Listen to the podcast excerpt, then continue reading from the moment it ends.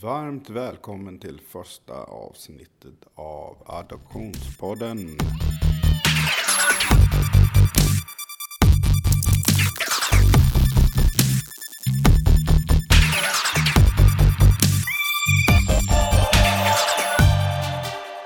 Hej, Nitja här. Jag eh, skulle egentligen medverka i Adoptionspodden som imorgon. Men tyvärr har jag blivit sjuk så jag kan tyvärr inte vara med. Men jag hoppas att ni lyssnar på avsnitt två för då, då ska jag förhoppningsvis vara frisk igen och kunna vara med. Vi säger så. Tack för mig. Hej. Men istället fick vi tag på Christian som är ordförande för föreningen Chile Adoption. Som berättar lite bakgrund om sig själv och hans liv. Och vi kommer istället ta upp, gå mer ingående på trauma till avsnitt två. När Nitya är, är med oss igen. Eh, men eh, Christian har även han en, en väldigt intressant historia och jag hoppas att du, eh, att du som lyssnare tycker den är lika intressant som jag tycker. För framtida avsnitt söker vi internationellt adopterade som är uppvuxna och uppfostrade i Sverige. Är det du eller någon du känner? Så kontakta oss på Instagram, Adoptionspodden. Skicka ett DM där så svarar vi. Hemsida och allt annat kommer komma med tiden. Men till att börja med så kör vi eh, på Instagram.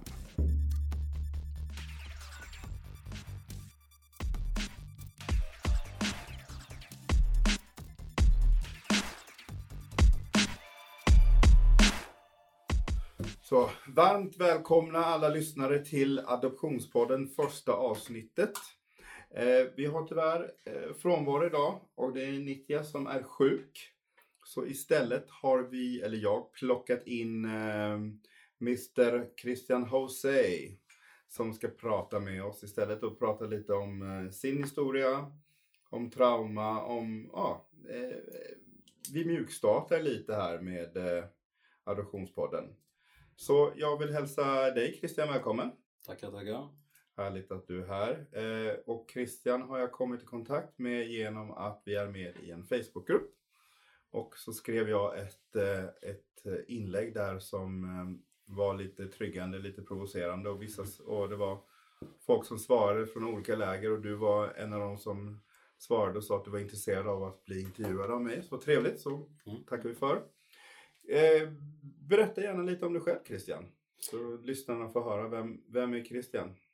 Eh, Ja, den, lite, den korta svenska historien om man säger så. det är att jag är uppväxt i Malmö, eh, i norra Malmö och eh, sen eh, har jag väl bott här ganska stor del av mitt liv. Sen så har jag pluggat lite på andra ställen och sådär. För många andra adopterade som jag kommer i kontakt med och har gjort genom åren, de, det skiljer sig lite för att jag har ju en adoptivpappa som är portugis. Eh, och det har gjort också att jag har smält in i familjen på ett annat sätt och kanske, ja, kanske lite mer likheter på det viset med nationella adoptioner som också är ganska många i Sverige. Men så att när jag träffat andra adopterade så, så märker jag ju då hur de har brottats ganska mycket med sin svenskhet och sådär och jag Ja absolut, när man är utomlands känner man sig jävligt svensk, det gör man ju, så är det. Men jag har ju ändå en, en ja, flera kulturer liksom i min uppväxt som har varit normalt. Sen i min uppväxt har jag också haft mycket kompisar då från Peru och Chile och, och sådär. Så att det har ju varit väldigt blandning. Så att för mig har det varit normalt på det viset. Medans eh, när då jag växte upp, ja, 70-80-talet så, så var det ju inte så blandat i Sverige som det är idag. Idag tror jag det är mycket lättare faktiskt på det viset att växa upp än vad det var då. Uh, ja, jag har sökt mina rötter.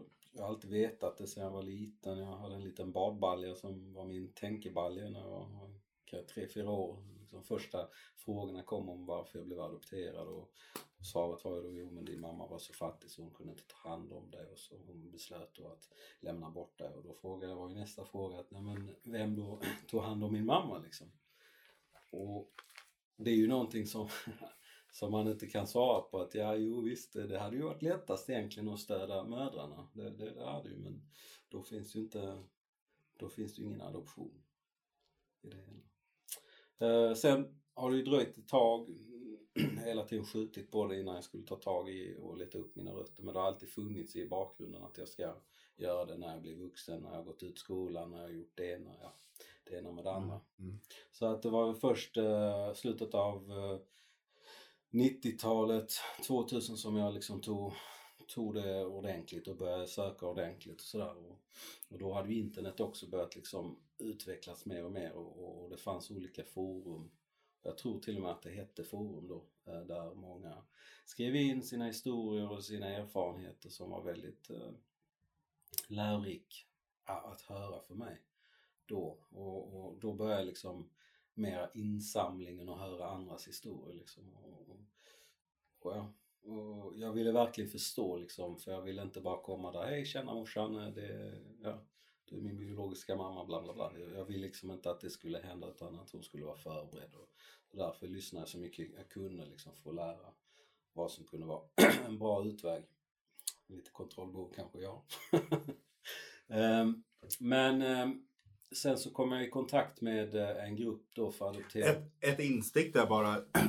Det här kontrollbehovet som du pratar om. Um, I min värld så är ju inte det något konstigt för det har vi nog alla i och med att vi vill styra våran värld för att vi har råkat ut för någon form av trauma. Så vi vill ha koll på vad som händer runt omkring oss. Jo men så är det, absolut. Uh, och det är ju inte bara vi adopterar utan det är många som har kontrollbehovet men absolut, det ligger ju också i den är det att vi har ett trauma eh, som vi har växt upp med och det är så lite vi faktiskt ändå har haft kontroll över i vår bakgrund och, och vi vet liksom inte just att bli bortlämnad eh, det har ju satt sina spår. Vi har ju trauma, de flesta, även jag liksom från det där. Eh, och det är ju någonting som också med åren kom fram mer och mer för mig som jag som liten inte riktigt var medveten om utan man har förstått det ju äldre man har blivit. Um, ja. Uh... Varför nu vanligtvis så, så är man ju duktig och låter den man intervjuar få prata klart och så, men jag fungerar inte riktigt så. Så jag kommer ställa, hoppa in och ställa frågor lite här och där. Eh, när du pratar om bortlämnandet. Ja. Eh, och som jag vill eh, översätta det till traumat. Varför är det så svårt att få icke internationellt adopterade att förstå att det är ett trauma. Vi kommer ut, utveckla det sen gällande allting man får höra, så här, men du ska vara tacksam. Men varför är det enligt dig Christian så svårt för icke internationellt adopterade att förstå att det här är ett trauma för oss. Det är någonting som påverkar oss och har påverkat oss hela livet och kommer att påverka oss. Mm. Uh, det är många olika faktorer där tror jag faktiskt. Um, dels om man då ser till anknytningsproblematiken som vi har mer eller mindre. Uh, då, då säger ju den att ju tidigare vi har adopterats ju lättare blir det. Sen samtidigt så är det då ju, ju mer vi liknar människorna som lever här desto lättare blir det för oss. Är vi bruna, svarta eller gula eller vad vi må vara så blir det svårare. Eh, och det, det, det, är ju någonting som man har varit väldigt naiv när man börjar med adoptioner. På 70-talet talade man till och med om regnbågsfamiljer, man skulle ha barn från olika världsdelar och så och det skulle bli jättefint. Och, och Alltså visst, jag kan ju tycka att grundtanken är väldigt naiv och lite gullig. Men, men då är man ju inte alls medveten om verkligheten och, hur det är liksom för ett barn att växa upp. Vi vill ju titta på våra föräldrar och kunna förstå, okej okay, jag kommer se ut sådär och, och det är en trygghet också. Och det, det vet jag ju själv att jag hade, jag var jätte, visst jag, var, jag växte ganska fort eh, så att när jag gick i sjuan så var jag färdigväxt. Men, men just när man var liten och gick på eh, dagis och sådär då, då var det liksom då var man ju jättenyfiken på men hur ska jag bli och så visste jag ju att jag var då lite mestis då, indian. Jag hade indiansk blod och tänkte hur kommer jag se ut liksom? Och, och det man hade att relatera till var ju liksom eh, nordamerikanska bilder man hade sett på uh, indianer med jättestora näsor och Lucky Luke och sånt där. Så då blev jag mm. skiträdd att jag skulle få en stor näsa. Och, och det, det, det jag tror inte jag kommunicerade det med någon faktiskt utan jag hade det inom mig bara liksom. Men det var, jag var jätte jätteskraj för det. Speciellt det var en dagisfröken också som hade en sån här stor näsa. Jag förstår dig. Jag, jag, eh, jag när jag var liten så, så eh, jag tydde mig ju mer till vita människor och var jag i situationer där det var folk som såg ut som mig, som såg ut som mig, så tyckte jag att det var jättejobbigt. Mm. När jag var fram till sju, åtta år gammal Mm. så tyckte jag att det var jättejobbigt med andra svarta människor i samma rum. För det blev, dels så tog de en plats från mig och sen så, jag hade fått i, uppfostrat och itryckt i mig att jag inte var som dem. Mm. Jag är Nej, inte men som man dem. speglar Jag, sig av sin miljö också. Och det var ju då inga svarta i din miljö, antar jag. Så att du speglar av, av de mer ariska, då antar jag, som du såg liksom. jag vet inte om jag vill kalla dem arier, men vita. Ja, Ja, ja, Jag- ja, men, ja, men då, då, det är av den miljön man Absolut, speglar sig. Va? Och, och, och, där, där, och det är just det jag sa innan, just det här med att min farsa var portugis. Jag tror det var väldigt bra för min egen självbild att se att, nej, men alltså, att vara, vara mörkhårig, det, det är inget konstigt liksom och, och sådär. Och, och det tror jag har stärkt mig i mitt självförtroende som, ja, som vuxen liksom idag också. Medan jag kan se, och, och jag har själv gjort lite intervjuer så, att där, där hittar jag många gånger att de har ju haft en önskan att likna majoriteten där de har, i den miljön där de har växt upp. Så ja, visst det blir, och det blir ett trauma också. Så att det är ju flera olika trauman vi har utsatts för. Det första traumat när vi blir lämnade. Och sen, sen kommer liksom trauma på trauma just att, att vi inte liksom riktigt passar in i den miljön vi är i. Mm. Mm. Ja, jag tycker det här, alltså, varje ämne vi kommer ha är sånt man kan utveckla och prata i timmar om. Mm. Eh, en annan